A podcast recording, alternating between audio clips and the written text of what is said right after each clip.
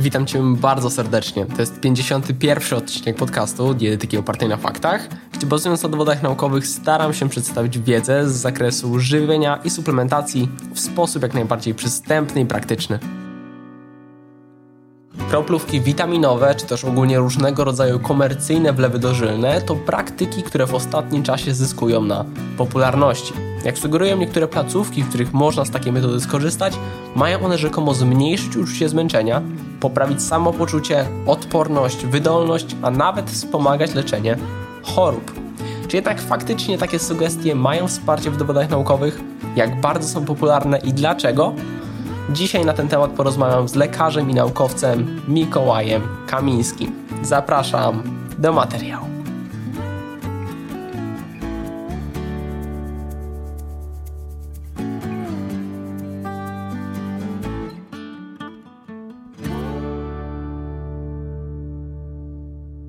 Cześć, witaj Mikołaj.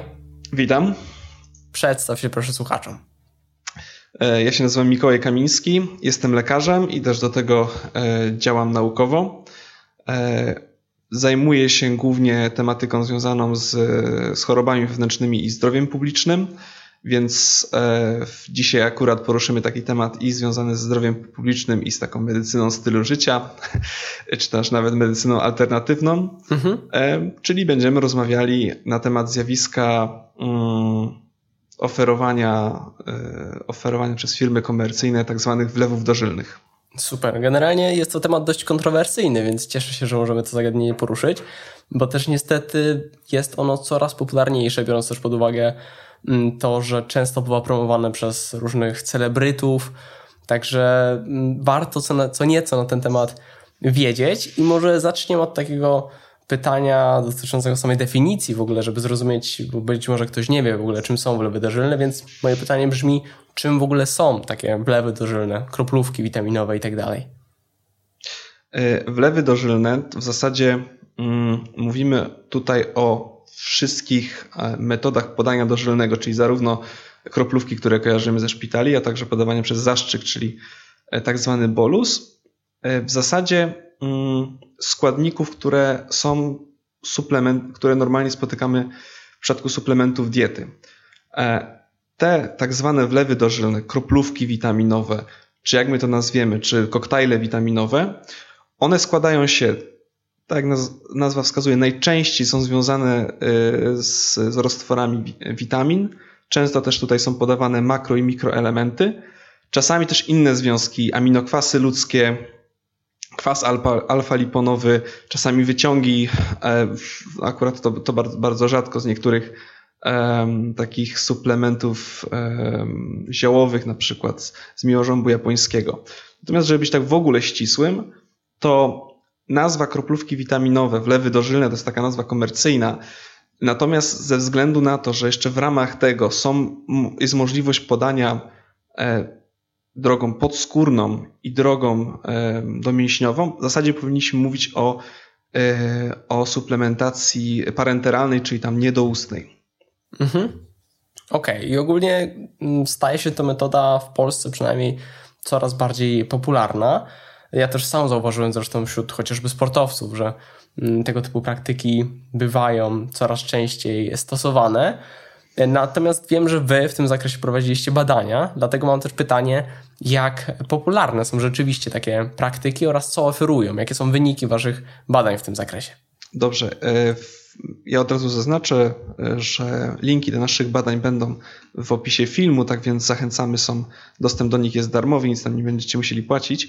E, to, co jest bardzo ważne, że to są dwie, dwa badania jedno jest małym badaniem ankietowym, drugie jest charakterystyką zjawiska na podstawie stron internetowych. I teraz my nie wiemy, ilu jest konsumentów. Natomiast dane na temat, e, ile jest takich placówek, zbieraliśmy w pierwszym kwartale 2020, w, ale jedynie dla miast powyżej 250 tysięcy ludzi. To są tak zwane duże miasta. E, I teraz badaliśmy pięć krajów, są to y, Wielka Brytania, Irlandia, Włochy, Czechy oraz oczywiście Polska. I teraz w przypadku Polski y, odnotowaliśmy w zasadzie 121 placówek w przypadku Wielkiej Brytanii 154, w przypadku Irlandii 14, Włoch 58 i Czech 24. Teraz tak mniej więcej wychodzi, to jest jedna placówka na od pół do półtora placówki na 100 tysięcy mieszkańców tych dużych miast. E, I teraz, czy to jest dużo, czy to jest mało? Widzimy, że to jest jednak biznes, no bo tutaj mamy ponad setkę przekroczoną w samej Polsce. Widzimy, że jest to, nie jest to, nie są to usługi, które są jakieś takie wyjątkowe, bardzo unikalne. Widzimy, że jednak jest to, jest to stosunkowo rozpowszechnione. E, ilu jest konsumentów, ile osób przez to przeszło, nie jesteśmy w stanie powiedzieć.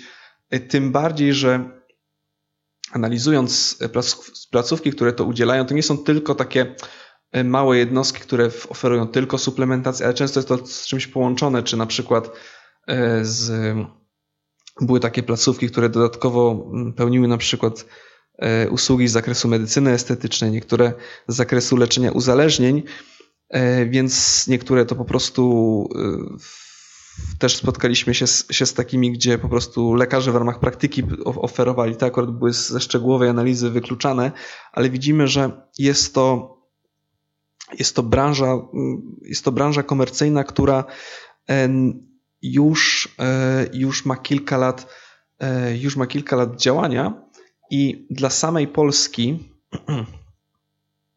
dla samej, e, dla samej Polski, jak to się nazywa, mm, mediana, jeśli, jeśli chodzi o doświadczenie, o przynajmniej taka jaka była ogłaszana, to, to co najmniej to, to 4 lata działalności. W przypadku Wielkiej Brytanii mediana wynosiła 10 lat, a w przypadku Włoch nawet 18, więc to jest um, zjawisko, które my, my zauważamy, natomiast ono się Natomiast w, Pol w Polsce wygląda, mediana jest, jest, jest być może dosyć krótka, natomiast widzimy, że to się całkiem nieźle rozrosło. Mhm. I zadałem tam jeszcze pytanie, co oferują takie placówki, na co zwróciliście uwagę? E, aha, dobra, bo tutaj już przechodzimy dalej. Co oferują? Więc już abstrahując od tych wszystkich dodatkowych, e, cała idea jest taka, że jeżeli my podamy, będziemy coś suplementować parenteralnie, to to jakby mm, pozwala na przyjęcie więcej tego, tego składnika, że to jest niejako lepsze, że my stosujemy stosujemy takie metody no, szpitalne i to będzie, i to będzie funkcjonowało lepiej. Problem w tym, że to w szpitalu nie stosuje się dlatego, żeby to e, tylko dlatego, że, że to jest jakiś magiczny efekt. Wręcz często przeciwnie. Jeżeli pacjent może suplementować, dajmy na to płyny doustnie, jest to droga bardziej preferowana od drogi dożylnej. Innym takim przykładem, który się zawsze powtarza na studiach jest podaż potasu. Jeżeli potas możemy podać do ustnie, jest to znacznie lepiej niż podanie dożylne. Z czego to wynika? Wynika to z tego, że nasz przewód pokarmowy, ślusówka przewodu pokarmowego pełni funkcję bufora. Potem jeszcze często składniki przechodzą przez krążenie wrotne, trafiają do, do wątroby, który jest kolejny. Natomiast w przypadku generalnie wchłaniania czegokolwiek, to przewód pokarmowy, on sobie potrafi na różnych poziomach regulować e, to wchłanianie. Nie jest to takie niekontrolowane. W przypadku natomiast podaży dożylnej, my z jednej strony nie mamy takiej bariery, możemy, w, yy, organizm sobie nie będzie regulować, ile tego potasu dożylnie przyjmie.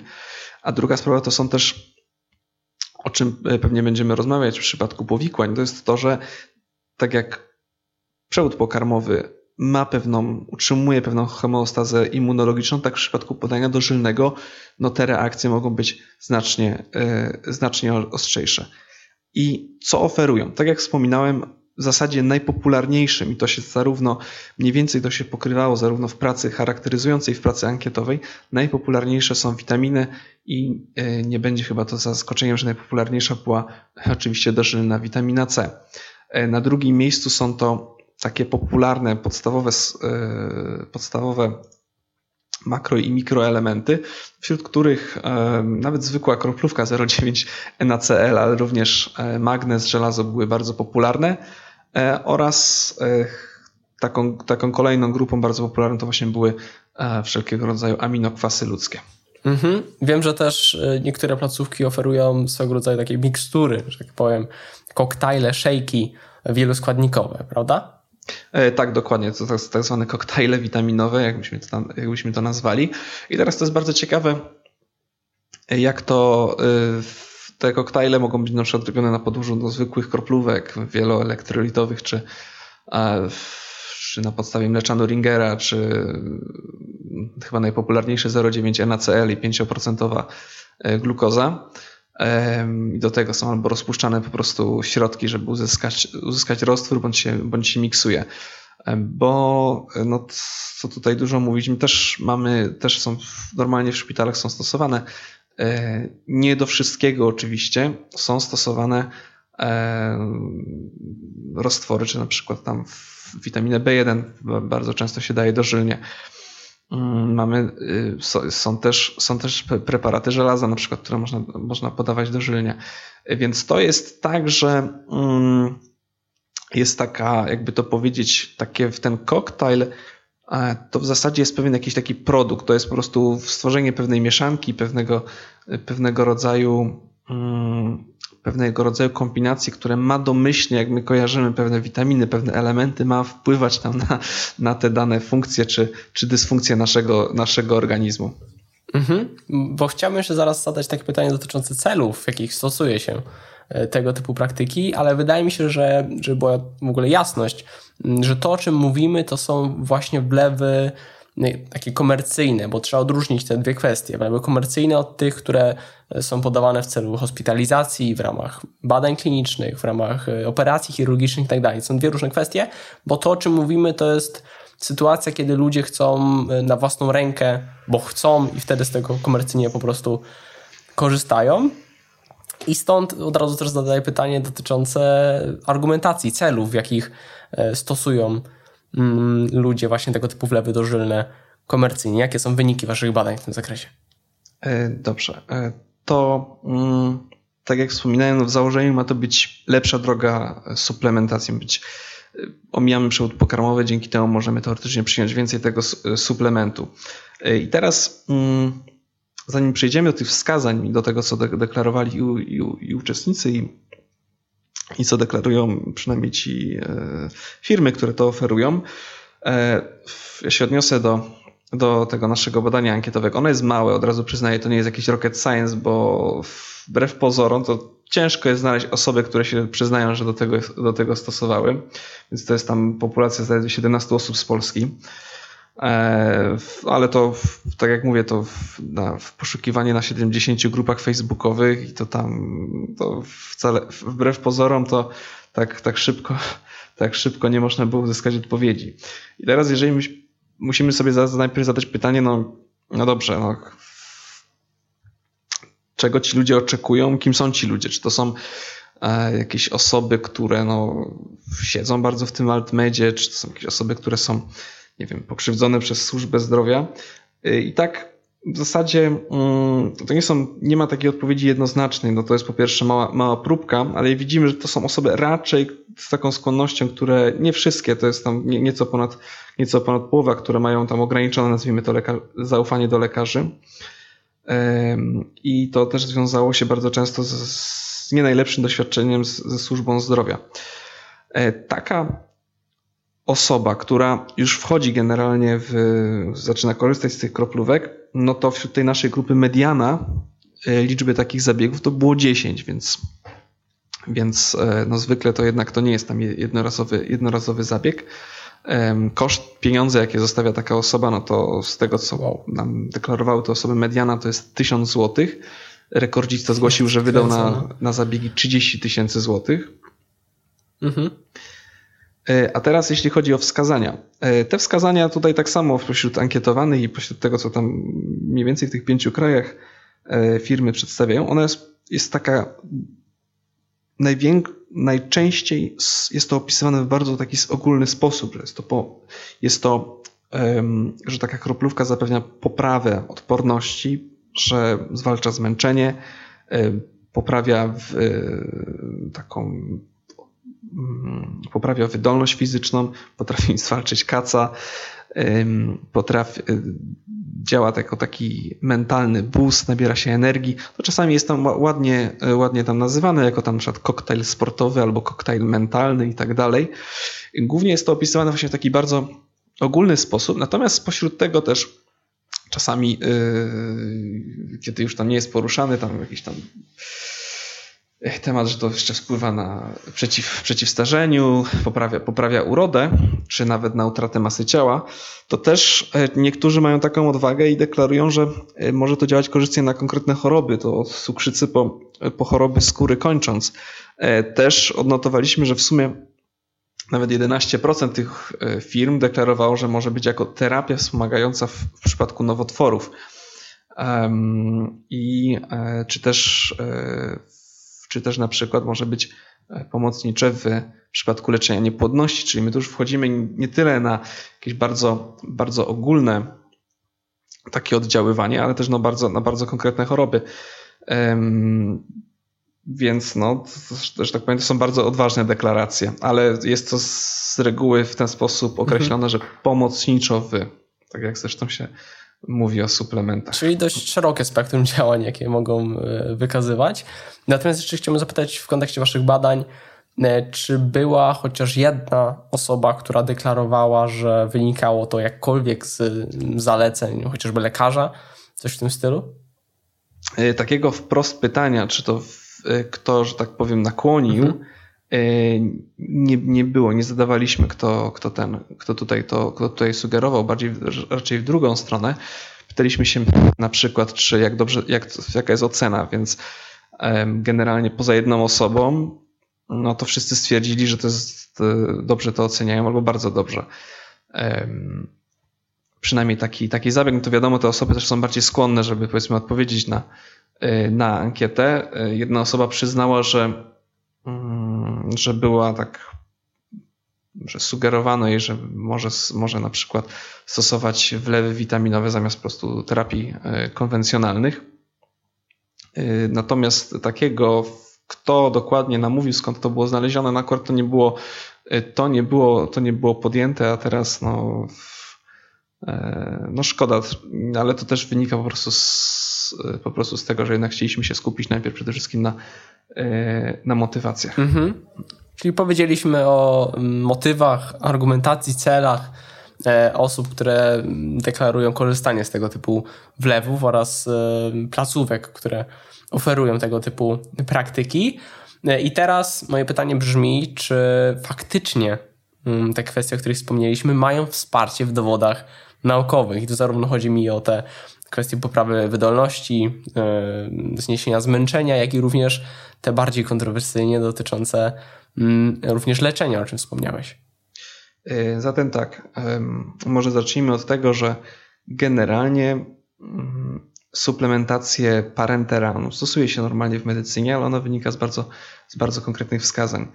E, taką przykładem jest na przykład dożylna podaż e, żelaza w przypadku, kiedy nie ma tolerancji mm, formy doustnej, bądź w, w przypadku niektórych chorób, takich jak choroby zapalne jelit, generalnie uważa się, że lepiej wtedy podać żelazo drogą dożylną, no gdyż y, to żelazo podane drogą doustną w, w przypadku tych chorób y, no, wywołuje niekorzystny, niekorzystny efekt zapalny. Y, inny przykład to jest podawanie witaminy B12 drogą domięśniową, kiedy nie możemy po prostu uzyskać skutecznej suplementacji drogą doustną. Przypadku na przykład no na przykład osób z chorobą alkoholową, kiedy są na przykład, y, trafiają na SOR, no to najpierw dostają y, witaminę B1 do, dożylnie, więc takie generalnie to jest stosowane, natomiast to nie jest stosowane, to nie jest y, dla wszystkich, to nie jest standard, tylko w bardzo, w bardzo konkretnych przypadkach. I teraz, jeśli chodzi o, o, to, o tę skuteczność, to najpierw zwróćmy uwagę, że te wskazania, one są tak bardzo, bardzo ogólnie są opisane. I problem w tym, jeżeli my tak bardzo ogólnie coś opisujemy, y, bez jakichś takich pewnych punktów, to łatwiej jest, łatwo, łatwiejsza jest tutaj, jakby to powiedzieć, możliwość takiego subiektywnego odczucia, że no to oczywiście zaszła, zaszła, y, zaszła poprawa.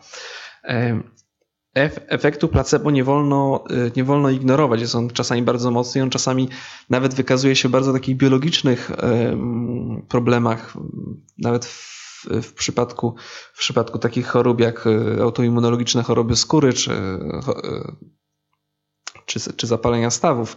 Więc tego efektu nie wolno, nie wolno ignorować. Natomiast no, jeżeli my mamy, no, ktoś określa, że poprawa odporności, ale w jaki sposób poprawy odporności? Normalnie ocena poprawy odporności, no to musi mieć jakiś punkt końcowy w stylu, w stylu na przykład odsetka osób, które rozwiną infekcję czy trafią do szpitala e, z, z powodu choroby zakaźnej bądź innej. Natomiast tutaj w jaki sposób to zweryfikować? Dużo właśnie takich, takich wskazań, takiego pewnego pomysłu na to, na, na co to stosować jest bardzo, jest bardzo, jak to się nazywa, taka rozmyta. E, natomiast jeśli chodzi o badania, to ja bym chciał się skupić przede wszystkim na, na tej witaminie C, gdyż w pozostałych przypadkach te dowody są bardzo takie, to są czasami są anegdotyczne, czasami to są jakieś krótkie, retrospektywne prace, natomiast witamina C, no tutaj wywołuje najwięcej, najwięcej e, emocji. I teraz wśród takich cytowań, które gdzieś tam pojawiały się na tych stronach, które przeglądaliśmy, pojawiało się takie badanie z czasopisma E, z żurnala medycznego Chest, więc tutaj mówimy o takim no, dosyć, dosyć renomowanym żurnalu. Tam ukazała się taka praca, gdzie zastosowano w przypadku um, sepsy e, takie połączenie um, sterydy plus witaminę B1, czyli tiamina plus witamina C. Natomiast to było badanie retrospektywne i tam wykazano korzyść w zakresie przeżycia ale teraz, dlaczego to nie jest do końca dowód? Dlaczego trzeba być zawsze super ostrożnym w przypadku badań z obserwacją, czy tam retrospektywną, czy prospektywną? Ponieważ jeżeli nie ma tego efektu randomizacji, to może być na przykład tak, że rzucono taki, nazwijmy to ten koktajl, do takiego pacjenta, który na przykład personel był bardziej zaangażowany w jego ratowanie. E, brzmi to być może okrutnie, natomiast takich czynników, że może a tutaj coś jeszcze do, dołóżmy, więcej tej opieki było sprawowane i nie ten efekt tego koktajlu, tylko wszystko, cały, cały włożony wysiłek, czy tam nadzór, bądź może na przykład taki po prostu był rozkład losowy. To też sprawia na przykład, że można uzyskać takie wyniki. I od witaminy C w sepsie generalnie nie odstąpiono i była badana w przypadku randomizowanych badań klinicznych. E, I z takich dwóch, które powinniśmy wymienić, to są badania opublikowane na łamach JAMA.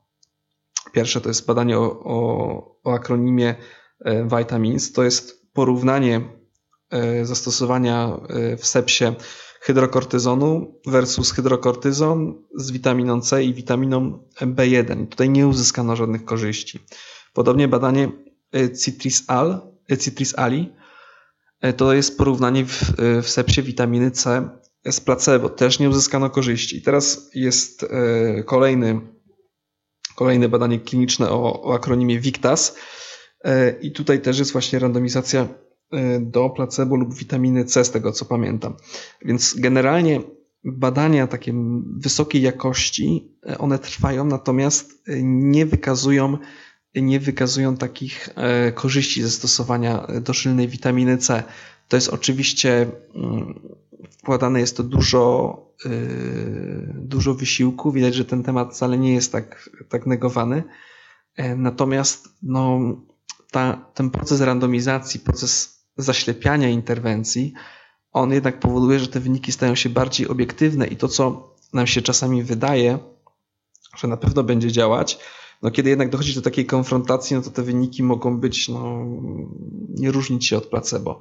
E, taki z takich przykładów Mm, jakby to powiedzieć, powiedzmy z tego roku, które obserwowaliśmy na, na świecie, to są badania dotyczące takich leków, które stosowano w przypadku COVID-u w czasie pierwszej fali, więc to jest hydroksykhlorochina, lopi, lopinavir, ritonavir, e, remdesivir i tocilizumab. I generalnie w takich dużych badaniach klinicznych, już na drugiej, trzeciej fazy, a jeszcze osocze do tego ozdrowieńców dochodzi, e, kiedy już konf konfrontujemy to z, z, z placebo, to te korzyści są albo ich nie ma, albo, so, albo są na przykład minimalne, które prawdopodobnie nie mają za dużego znaczenia klinicznego. E, I tak też często tutaj jest. Natomiast ja tutaj tak mówię o witaminie C, natomiast w przypadku wielu tych suplementów, no, nie, ja przynajmniej nie widziałem takiego badania, gdzie byłaby dożylna witamina C i na przykład byłaby w, w, w, oceniane takie wskazanie jak zmęczenie, czy na przykład poprawy odporności w, w, takim, w, porównaniu z placebo. No to wymaga no, wielu lat wysiłku zespołów badawczych, a pamiętajmy, że to nie tylko witamina C, ale też inne suplementy czekałyby na to. No właśnie, czyli generalnie ma to słabe wsparcie w dowodach naukowych i być może w przyszłości będziemy wiedzieć na ten temat więcej i wówczas będziemy mogli to polecać w konkretnych przypadkach, ale obecnie to raczej kwestia dowodów anegdotycznych, które nie zawsze są pozytywne. Jeżeli ktoś to poleca i sugeruje, że mu pomogło, to tu też dużą rolę może odgrywać placebo, o którym wspomniałeś. Czy mam rację? E, też tak myślę. Znaczy my to tak bardziej e, przydzielamy się, raczej um, dołączamy się do tego zdania, że kroplówki dożylne to jest bardziej wytwór marketingu niż to jest faktycznie e, taka skuteczna interwencja. No i teraz można się zastanowić, z czego, z czego wynika taka popularność. No, po pierwsze, E, to są usługi komercyjne, więc to nie jest, więc to jest wszystko w takim ładnym otoczeniu e, podawane. Płaci się, wymaga się. E, to jest to po pierwsze, no wiadomo, jak coś jest świadczone komercyjnie, no to znacznie to lepiej wygląda. Druga sprawa to jest też, przynajmniej tak moim zdaniem, to jest to, że jeżeli my żyjemy w takim świecie, gdzie chcemy mieć wszystko na, na wczoraj, że zadzwonimy, przyjedzie taksówka, zadziałamy aplikację, dostaniemy te, za chwilę taksówka się pojawi, e, pizza, aplikacje randkowe i zwróćmy uwagę, że no, ludzie zawsze poszukują takiego, takiego knyfu, takiego kamienia filozoficznego, czy jakiejś magicznej substancji, która po prostu no, poprawi, pomoże im w walce z męczeniem, no, wzmocni ich siły mentalne, czy cokolwiek. No i właśnie być może być może e, właśnie te kroplówki witaminowe to jest, e, no to jest właśnie coś, co może się niejako wpasowywać, no bo jest to, to nie jest jakaś tam suplementacja do ust, tylko to jest tutaj poważny tutaj e, zabieg, zabieg medyczny, krótka interwencja, no i to ma, to ma nam w jakiś sposób pomóc, więc no, myślę, że na tej fali i to, o czym ty wspominałeś, że od czasu do czasu jakiś celebryta na przykład się tym pochwali, to może zwiększać zresztą popularność. Zresztą e, tutaj naszym słuchaczom zachęcam również do, do spojrzenia potem na tą pracę z charakterystyką. No to my też przyjrzeliśmy się, że generalnie no to tam większość z tych, z tych firm jest aktywna na, oczywiście na social mediach, no i to ładne zdjęcia z podawania kroplówki czy, czy, czy komentarze tego łatwo się mogą rozejść. Tak, często spotykam się z grafikami, chociażby w social mediach, E, właśnie tak, na tak. kaca, na odporność, jeszcze szczególnie teraz w tym okresie różnego rodzaju właśnie ładnie wyglądające grafiki, zachęcające często właśnie również z, polecające jakieś mikstury, szejki dla sportowca, e, na odporność, na zmęczenie i tak dalej.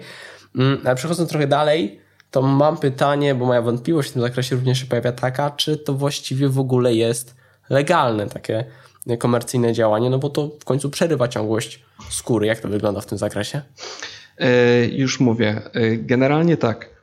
Mm, tutaj są takie dwie bariery, e, jeśli chodzi o legalne działanie. To jest pierwsza, to jest jakie są produkty, są wykorzystywane, czy one są dopuszczone w danym kraju, czy nie. I faktycznie to, kto przerywa ciągłość skóry. W Polsce jest tak, że tą ciągłość skóry Tutaj przy interwencji medycznej może wykonać lekarz, lekarz dentysta, pielęgniarka i ratownik. E, przy czym no wiadomo, że tej jak to się nazywa, tą ciągłość skóry, no to w celach tak medycznych, no jak ktoś się zakuje tam szpilką w palec, no to to się nie liczy. Więc tutaj zakładanie tego węflonu, podłączanie tego, tego wlewu należy do tych zawodów. I e, generalnie, jeżeli te wymogi są spełnione, to może to działać. E, sam temat, jeśli chodzi o regulację, to zainteresowanie się tym pojawiło w 2018 roku. E, wiem, że z tego co mam w korespondencji z Sanepidem, no to takie plany były, żeby w 2020, że w tym roku wyszła ustawa to regulująca. Ja przynajmniej nie, nie spotkałem się z czymś, co by to regulowało. Być może, bo są takie plany, żeby uregulować, mm, uregulować zawód kosmetologów, więc być może to przy okazji tego na przykład pojawią się jakieś e, zapisy. Natomiast na ten moment e, nie ma, mm, nie ma tutaj takiej regulacji. Ja też nie chodzi o to, żeby, żeby to jakoś bardzo regulować. Ja nawet nie jestem, e, nie uważam, że to jest najważniejsze, bo no tak jak mówię, jeżeli to jest tak zakładamy, że to jest problem taki, że no, ludzie będą poszukiwali takiego panaceum, no to zamknie się to, no to, no to ktoś inny będzie to, jakiś inny, jakaś inna e, gałąź medycyny alternatywnej się, e, się, się rozwinie, ale jeżeli ktoś jednak będzie mógł to wykonywać, no to będzie to wyko e, wykonywać. Tak jak mówiłem, że takie zabiegi często są świadczone w gabinetach, które świadczą usługi z zakresu medycyny estetycznej, więc no, y, ciężko jest coś takiego y, całkowicie wyeliminować, no bo tam jest lekarz, on powie, że zgodnie ze swoją wiedzą tutaj jest takie wskazanie do takiej suplementacji i to jest walka z wiatrakami. Ja uważam, że to jest po prostu nie ma to, nie ma to, nie ma to dłuższego sensu. Te, te dwa punkty, czyli ta, czy produkt jest dostępny i czy to wykonuje osoba, która y, ma do tego E, ma do tego prawo w danym kraju. To są dwie najważniejsze rzeczy, a reszta to jest to, żeby no jednak ludzie mieli świadomość, że mm, zdrowia no nie można kupić za parę stów. No to jest, to jest coś, na co, co żeby utrzymać, to czasami ciężko, ciężko pracuje. I mm, no ciężko, żeby to po prostu jeden, e, jeden taki wlew, gdzie no mówię, powinniśmy być względem generalnie takich tam cudownych interwencji sceptyczni, po prostu zachowywać zdrowy dystans, a nie wierzyć, że to po prostu nas tutaj nagle wyniesie nas na jakiś wyższy poziom. Ja chciałbym jeszcze tutaj rozwinąć tak e, trochę kwestię legalności w sporcie, bo mm, to jest trochę nieco bardziej przedmiot moich zainteresowań, bo myślę, że warto to dodać, że Polska Agencja Antydopingowa, jak i ogólnie WADA również zaznaczają, że mm, kroplówki, czy też w ogóle wlewy dożylne, jako sama metoda w sobie, niezależnie od tego, co się podaje, e, jest metodą e, nielegalną, jeżeli podaje się więcej niż 100 ml w ciągu 12 godzin, z wyłączeniem oczywiście takich kwestii jak hospitalizacja, jak badania kliniczne, czy też właśnie operacje chirurgiczne. I niestety takie wpadki już się zdarzały i to zdarzają się dość często. Nie tylko za granicą, również w Polsce takie wpadki były. Taką e, znaną wpadką był piłkarz bodajże z Manchester City. E, no i warto o tym wiedzieć, że niestety taka czynność może spowodować, że piłkarz zostanie, nie tylko piłkarz, bo to akurat piłkarz, ale e, sportowiec zostanie zbanowany ze sportu na dość długi czas, nawet bodajże na okres 4 lat. Mm, także warto o tym wiedzieć i w szczególności, jeżeli już się podejmuje takich praktyk, to nie zamieszczać zdjęć w social mediach, bo może się to dość łatwo mm, roznieść, więc generalnie tak w kontekście sportowym chciałem dodać, bo uważam, że warto o tym wiedzieć. E, jeszcze jedną taką rzecz tutaj chciałbym poruszyć, dlaczego, czy te wlewy one są takie całkowicie bezpieczne.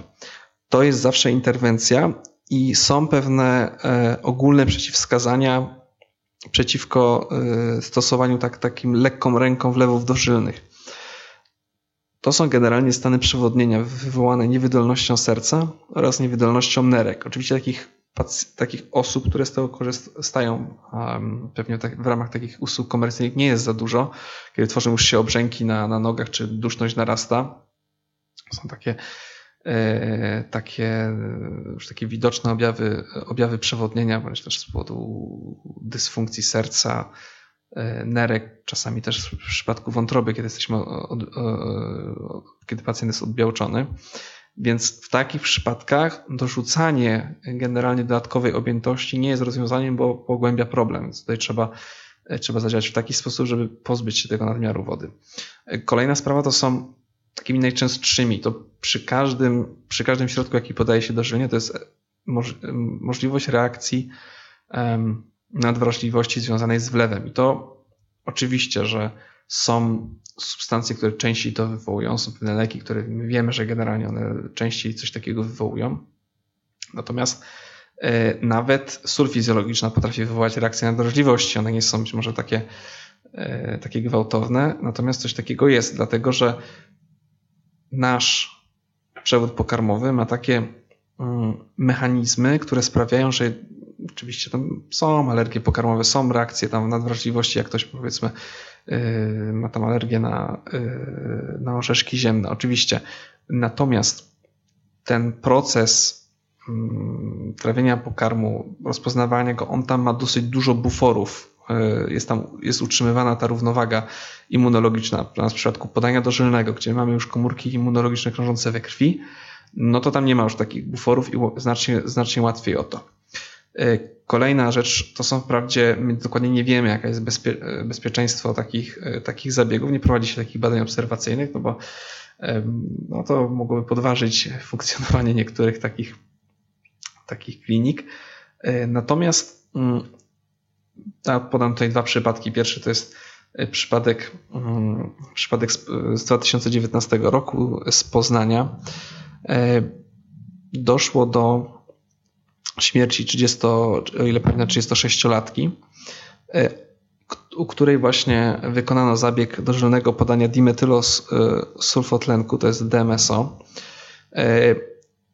Z tego co wiem, na razie nie widziałem żadnej notki, ale sprawa jest, sprawa, e, sprawą się szybko zajęła prokuratura. I teraz tak, no to DMSO, ono tak jest uważane w przynajmniej przez medycynę alternatywną, taki, taki środek generalnie przeciw, przeciwzapalny, przeciwbólowy, wykazuje takie właściwości w niskich stężeniach. Ale DMSO jest stosowany jako rozpuszczalnik przemysłowy i on ma taką, on jest w zasadzie inhibitorem acetylocholinesterazy. I z czym, z czym to się wiąże? Inhibitory acetylocholinesterazy to są mogą być, to są na przykład leki, które są stosowane w miasteni, ale też takimi przykładami y, o takim środku, o takim działaniu są gazy bojowe.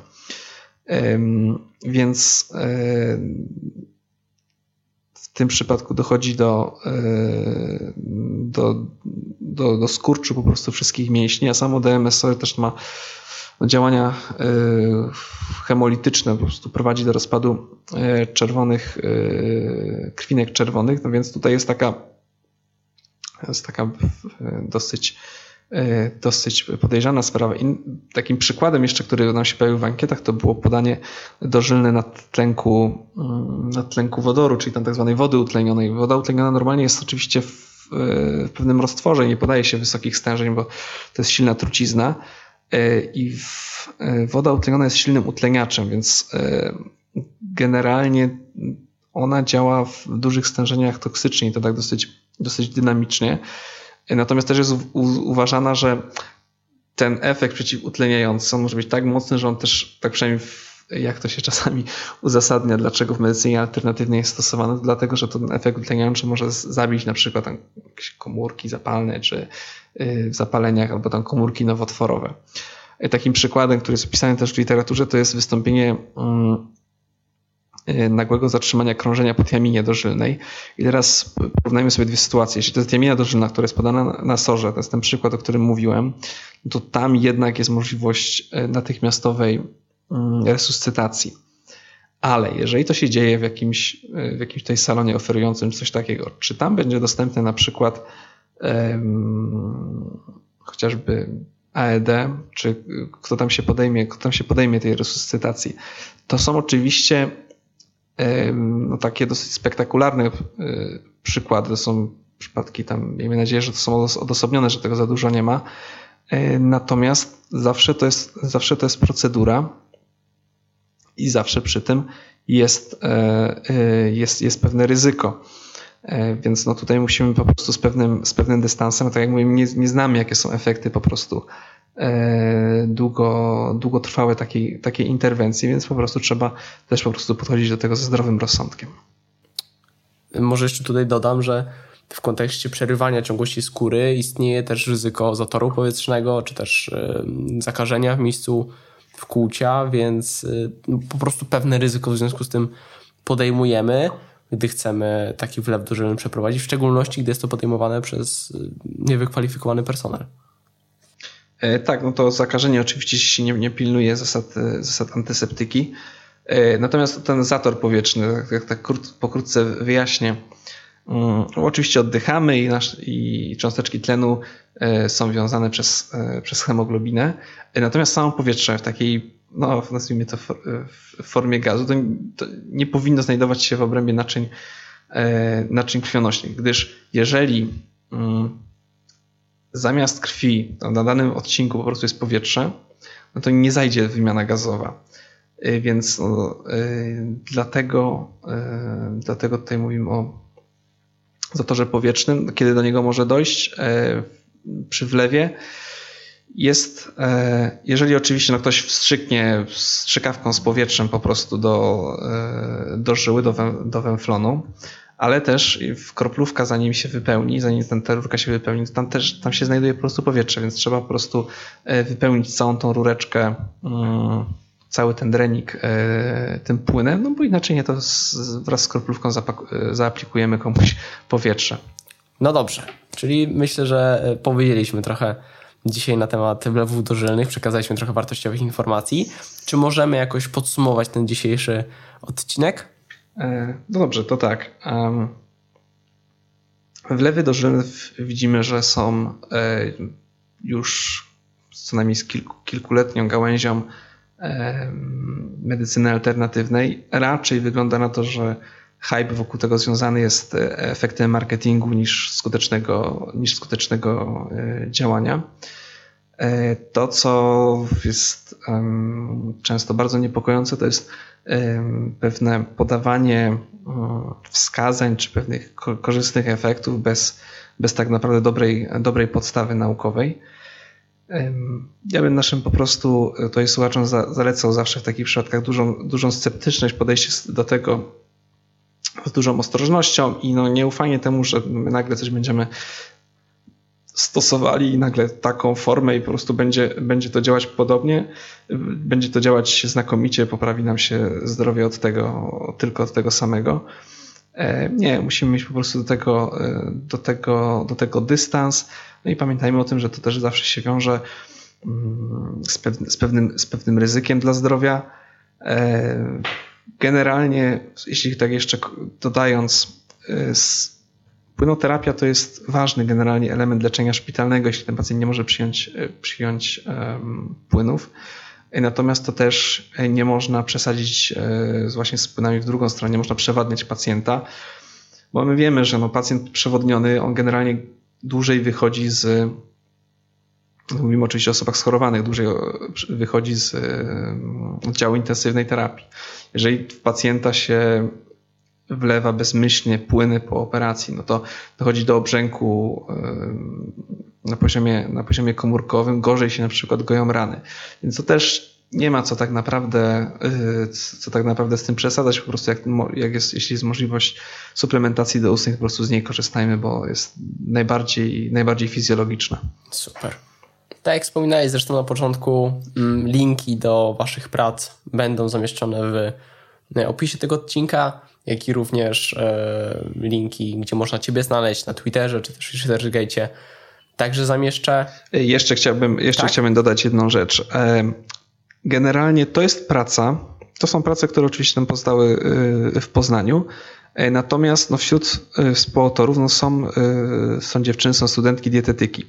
I tak czasami um, też wśród naszych słuchaczy są osoby z jakimś takim pociągiem, powołaniem do, do działań naukowych, no to zwracam uwagę, że to są fajne, dosyć, dosyć fajne artykuły, dosyć dobrze opublikowane, ale tutaj już dużą na przykład rolę odegrały osoby, które jeszcze były na studiach, więc jakby ktoś, nie wiem, szukał inspiracji lub chciał gdzieś tam się właśnie o to zapytać, to to, to, to, zapraszam do, do, do kontaktu. Może to wiadomo, że nie będzie jakaś dłuższa współpraca od razu, ale zachęcam, bo to zawsze ten, zawsze czasami potrzebujemy tam kogoś, kto tam nas zainspiruje albo trochę nas popchnie do przodu, żeby, e, żeby działać, jak widać, może nawet na studiach. Ja też bardzo dziękuję za rozmowę, dziękuję za Waszą cierpliwość. Dzięki. No to do zobaczenia, do usłyszenia. Cześć. Dziękuję bardzo.